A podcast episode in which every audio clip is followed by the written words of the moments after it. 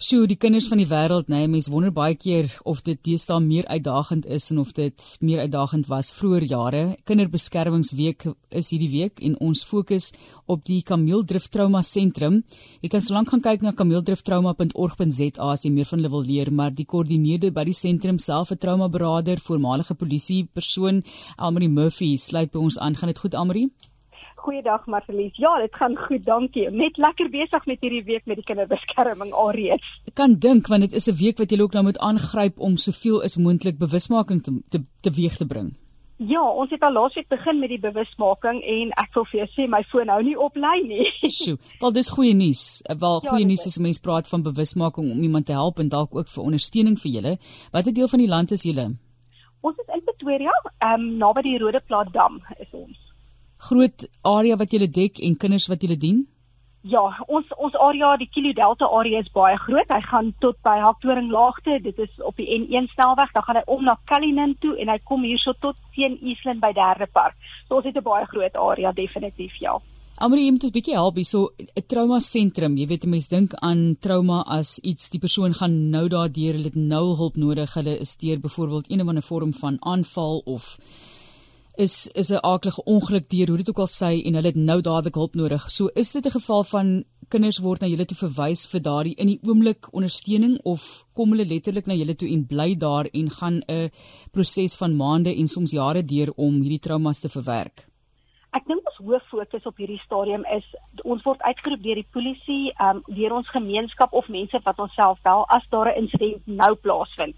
So ons fokus vers, verskriklik baie om nou dadelik binne 10 tot 15 minute op die toneel te kan kom om die persoon of die kind dan dadelik by te staan.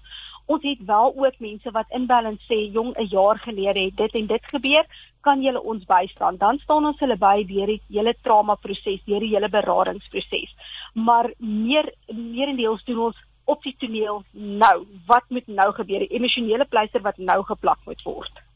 Almal in die vraag en ek is jammer om te vra want dis eintlik swaar vir baie depressiewe gedagtes as jy dink daaraan baie negatief word ja. julle meer en meer vir nou gebel. Is dit besig om te vererger hierdie insidente waar kinders betrokke is by geweldige trauma? Ongelukkig is die realiteit ja, dit is dit is meer en meer.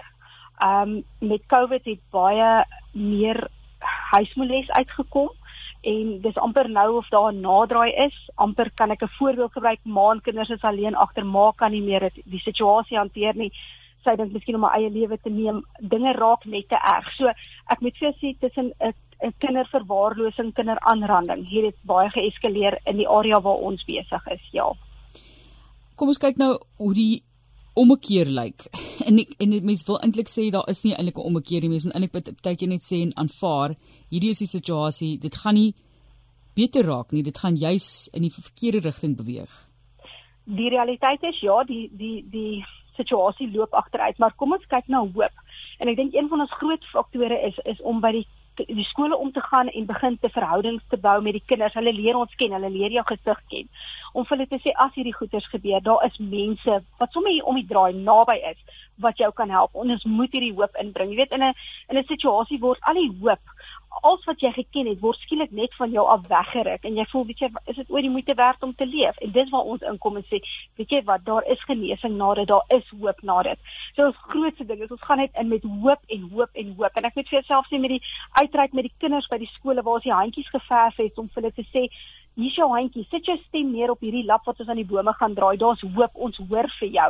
So ons dis nou lekker as ons opvolgbesoeke gaan doen met ons maskot by die skool met die uh, is 'n is 'n kruien mannetjie, 'n kruit mannetjie om te sê ons kom sit en ons kom luister. Laat ons vir jou kan hoop gee en vir jou kan uitweg gee. Net die feit dat 'n volwassene 'n kind ernstig opneem en luister wat hulle te sê het is is reeds 'n baie baie groot stap in die regte rigting. Almarine, as mens kyk, jy het nou verwys na skole. Ja. Gee ons 'n bietjie daar konteks in die rol wat jy speel want vroeër jare was daar 'n suster op perseel gewees vir kinders, daar was 'n maatskaplike werker gewees by skole en ek weet daar's organisasies wat ook probeer om daardie gaping te vul. Wat is julle rol?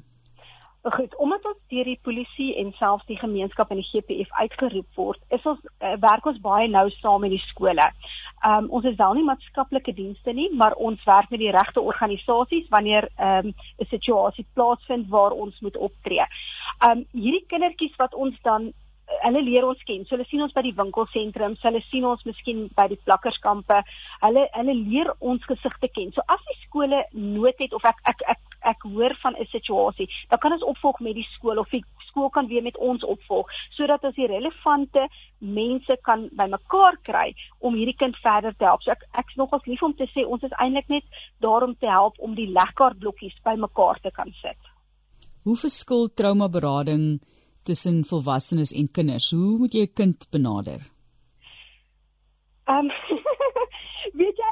ek self is 'n musiek uh, en bewegingsonderwyseres, so ek hou van van um, om eerder enige trauma soos 'n kind aan te pak en realisties te wees en prakties te wees.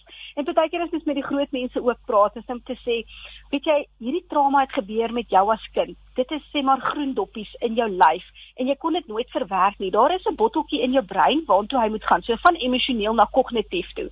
En nou het jy groot mens geword en dit was weer 'n trauma en dis blou doppies en ons help jou om hierdie doppies weer terug te kan sit op die regte plekke sodat dit jou nie so ontstel nie. En ek het nogals gevind as jy met die groot mense werk, jy kry verskillende tipe groot mense. Party mense wil dit stat weet so statistiek agter mekaar hê, maar jy met jou jou kliënt ook kan lees om te sê die einddoel is dieselfde is om geheel hier uit te kom en nie stikkend hier uit te kom nie. Ons weet ons trauma berading ook fasiliteer ons die die kliënt. In plaas dat jy kom en jy maak voorstelle en oplossings, soos jy moet sis en so. Ehm um, jy laat daai persoon deur die brein self werk om hierdie genesing teweeg te bring. As dit sin maak wat ek vir jou nou probeer sê.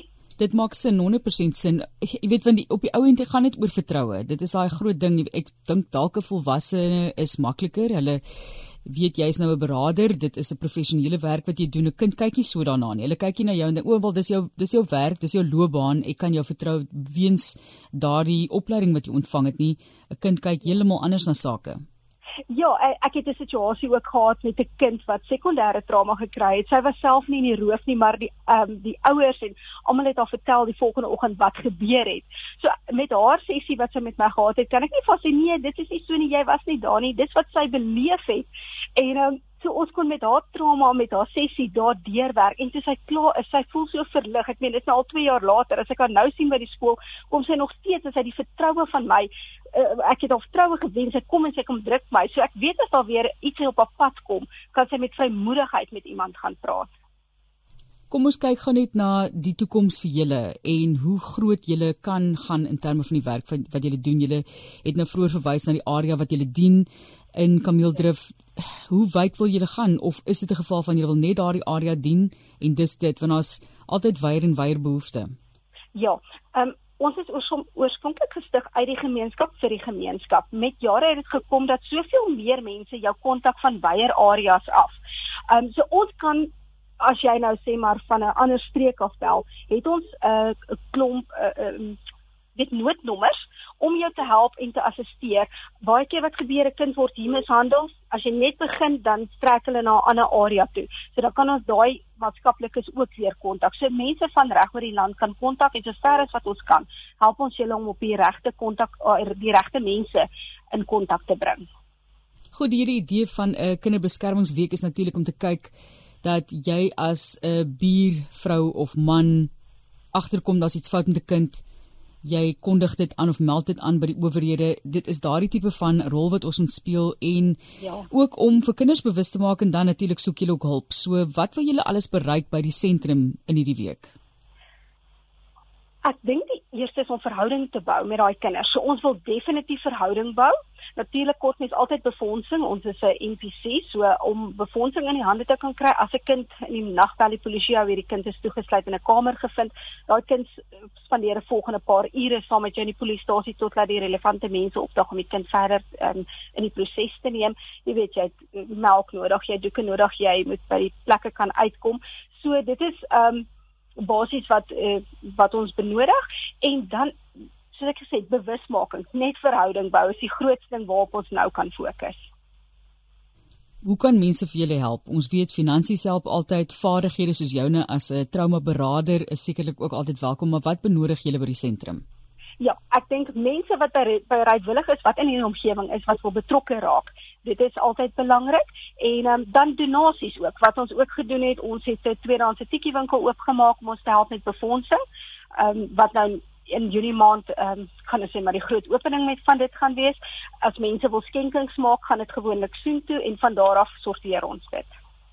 Almarie, ons sê vir julle baie dankie vir die werk wat julle doen. Dis moeilik en baie kere is julle ook onwelkom in 'n sekere situasie waar 'n kind ge gehelp moet word. Ek is seker dis nie altyd maklik nie 'n ouer wat verantwoordelik is daarvoor of wat ongelukkig dit magteloos baie kere moet sien en toe kyk. Ja. Ehm um, verwelkom julle nie altyd in hierdie omstandighede. Ons sê vir julle baie dankie dat julle ons kinders beskerm. Baie dankie, ons waardeer dit.